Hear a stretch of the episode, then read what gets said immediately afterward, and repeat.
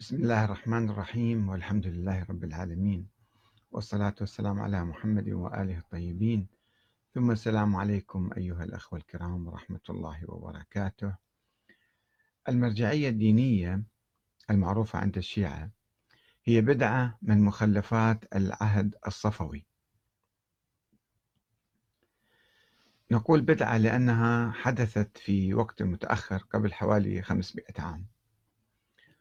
وأساسا آه، كان الشيعة الإمامية يؤمنون بنظرية الإمام الإلهية وأن الإمام لديه علم من الله وهو الذي يجب أن يطاع. ثم حدثت الغيبة في منتصف القرن الثالث الهجري بعد وفاة الإمام الحسن العسكري دون أن يخلف ولدا. فافترضوا وجود ولد له وقالوا بغيبته ووقعوا في حيرة آه، لمدة آه، حوالي سبعين سنة أو مئة سنة. ثم آه، ظهرت لديهم نظريات تقول وأما الحوادث الواقعة فارجعوا فيها إلى رواة حديثنا. في المسائل الشرعية ارجعوا لرواة الأحاديث ولم يكن هناك اجتهاد ولا مجتهدون. إلى أن قامت الدولة الصفوية. وهذه الدولة قامت اخترقت المنع الذي كان يقول به الإمامية. الإمامية كانوا يقولون آه، تحرم إقامة الدولة ولا يجوز لأي أحد أن يقيم دولة في غياب الإمام المعصوم. فجاء الشاه إسماعيل مؤسس الدولة الصفوية سنة 910 للهجرة وأقام هذه الدولة بفضل آه، الطريقة الصوفية التي كان ينتمي إليها. وحتى يبرر آه، عمله هذا قال بأني رأيت الإمام المهدي في كهف وأجاز لي تأسيس هذه الدولة. أو كان يقول أحيانا رأيت الإمام أمير المؤمنين بالمنام وأجاز لي آه، إقامة هذه الدولة. ولكن هذا الشاه أصبح طاغية. يقتل ويذبح ويفعل ما يشاء. آه، فذهب بعض العلماء الشيعة عندما هو أعلن أنها دولة شيعية ذهب عدد من العلماء من لبنان ومن العراق ومن البحرين إلى هذه الدولة فوجدوها دولة تخالف الشريعة الإسلامية وتخالف تعاليم أهل البيت. ومن قيام ومن آه، بعض هؤلاء العلماء كان الشيخ علي عبد العالي الكركي أنا أخطأت في آه، تاريخ قيام الدولة الصفوية هو في عام 1907 وليس 910 وكان من بين هؤلاء هؤلاء العلماء الذين ذهبوا إلى آه، بلاد فارس كما قلنا الشيخ علي عبد العالي الكركي ولكنه صدم بطغيانها فعاد منها سنة 916 وجلس في الحوزة العلمية في النجف ليطور نظرية جديدة هي نظرية النيابة العامة للفقهاء عن الإمام المهدي. هاي النظرية كانت صغيرة جدا هي فرضية كانت افترضها السيد المرتضى في البداية في القرن الخامس الهجري يعني قبل ذلك التاريخ ب 500 عام أنه آه، إذا واحد آه، حاكم ظالم أجبر فقيها شيعيا على أن يكون قاضيا. هذا ما يجوز. مبدئيا ما يجوز. ولكن إذا أجبره وهدده بالقتل مثلا فأجاز له بأن يقوم بالقضاء وينوي أنه بالنيابة عن الإمام المهدي الغائب. ينوي. يعني هو يفترض.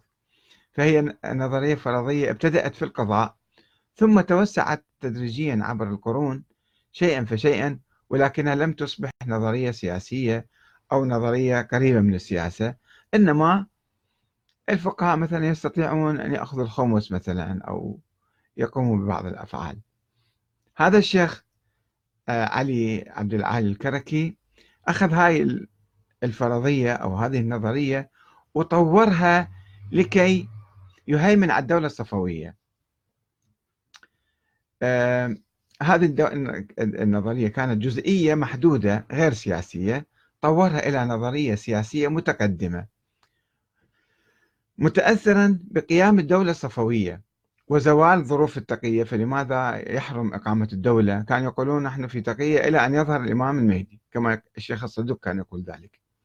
وكان يرفض أي واحد يخرج آه، في عصر الغيبة ويقول من خالف التقية فقد خرج عن دين الإمامية. هكذا كان يقول الشيخ الصدوق في القرن الرابع الهجري. فالشيخ الكركي قال في كتابه جامع المقاصد أن للفقيه المأمون الجامع لشرائط الفتوى منصوب أو أن هذا الفقيه منصوب من قبل الإمام المهدي. افترض أنه هذا منصوب من قبل الإمام المهدي. ولذا تمضي أحكامه ويجب مساعدته على إقامة الحدود والقضاء بين الناس. هذه الأمور ما يمكن تبقى معطلة. فإذا الفقيه هو نائب الإمام. منصوب من قبل الإمام اللي هو الإمام فرضية أيضا. وعزز الكركي في فتاويه موقع العلماء الشيعة في الدولة الصفوية. وسلب من الصفويين الشرعية الدستورية. يعني أنتم ما لكم حق تسوون دولة؟ أنتم أشخاص عاديين. العلماء هم نواب الإمام فإذا كان يحق لأحد أن يقيم دولة فالعلماء هم أولى بذلك. هم يمتلكون الشرعية الدستورية بالمصطلح الحديث. آه، بعد أن حصرها بيد الفقهاء الأمناء نواب الإمام المهدي العامين. رافضا الاعتراف بادعاءات الشاه إسماعيل مؤسس الدولة الصفوية بالنيابة الخاصة. قال أنا نائب خاص. شلون هذا أحمد الحسن اليماني طالع جديد يدعي أنه نائب خاص؟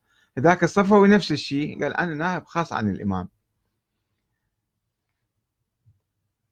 آه، عن طريق اللقاء السري بالإمام المهدي أو الإمام علي في المنام دون أن يصرح بذلك. يعني الشيخ الكركي ما صرح ولكنه عمليا جاب نظرية مقابل الدولة الصفوية.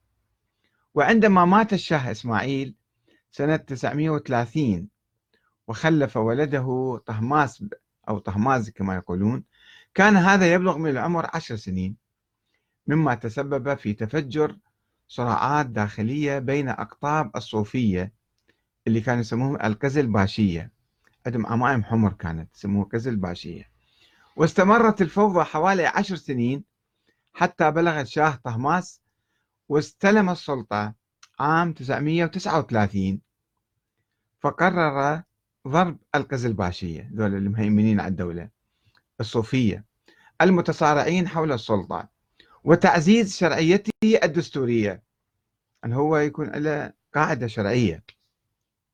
فاستدعى الشيخ علي الكركي من النجف وكتب إليه رسالة تعبر عن التزامه بنظرية النيابة العامة. لأول مرة حاكم شيعي يعلن التزامه بهذه النظرية.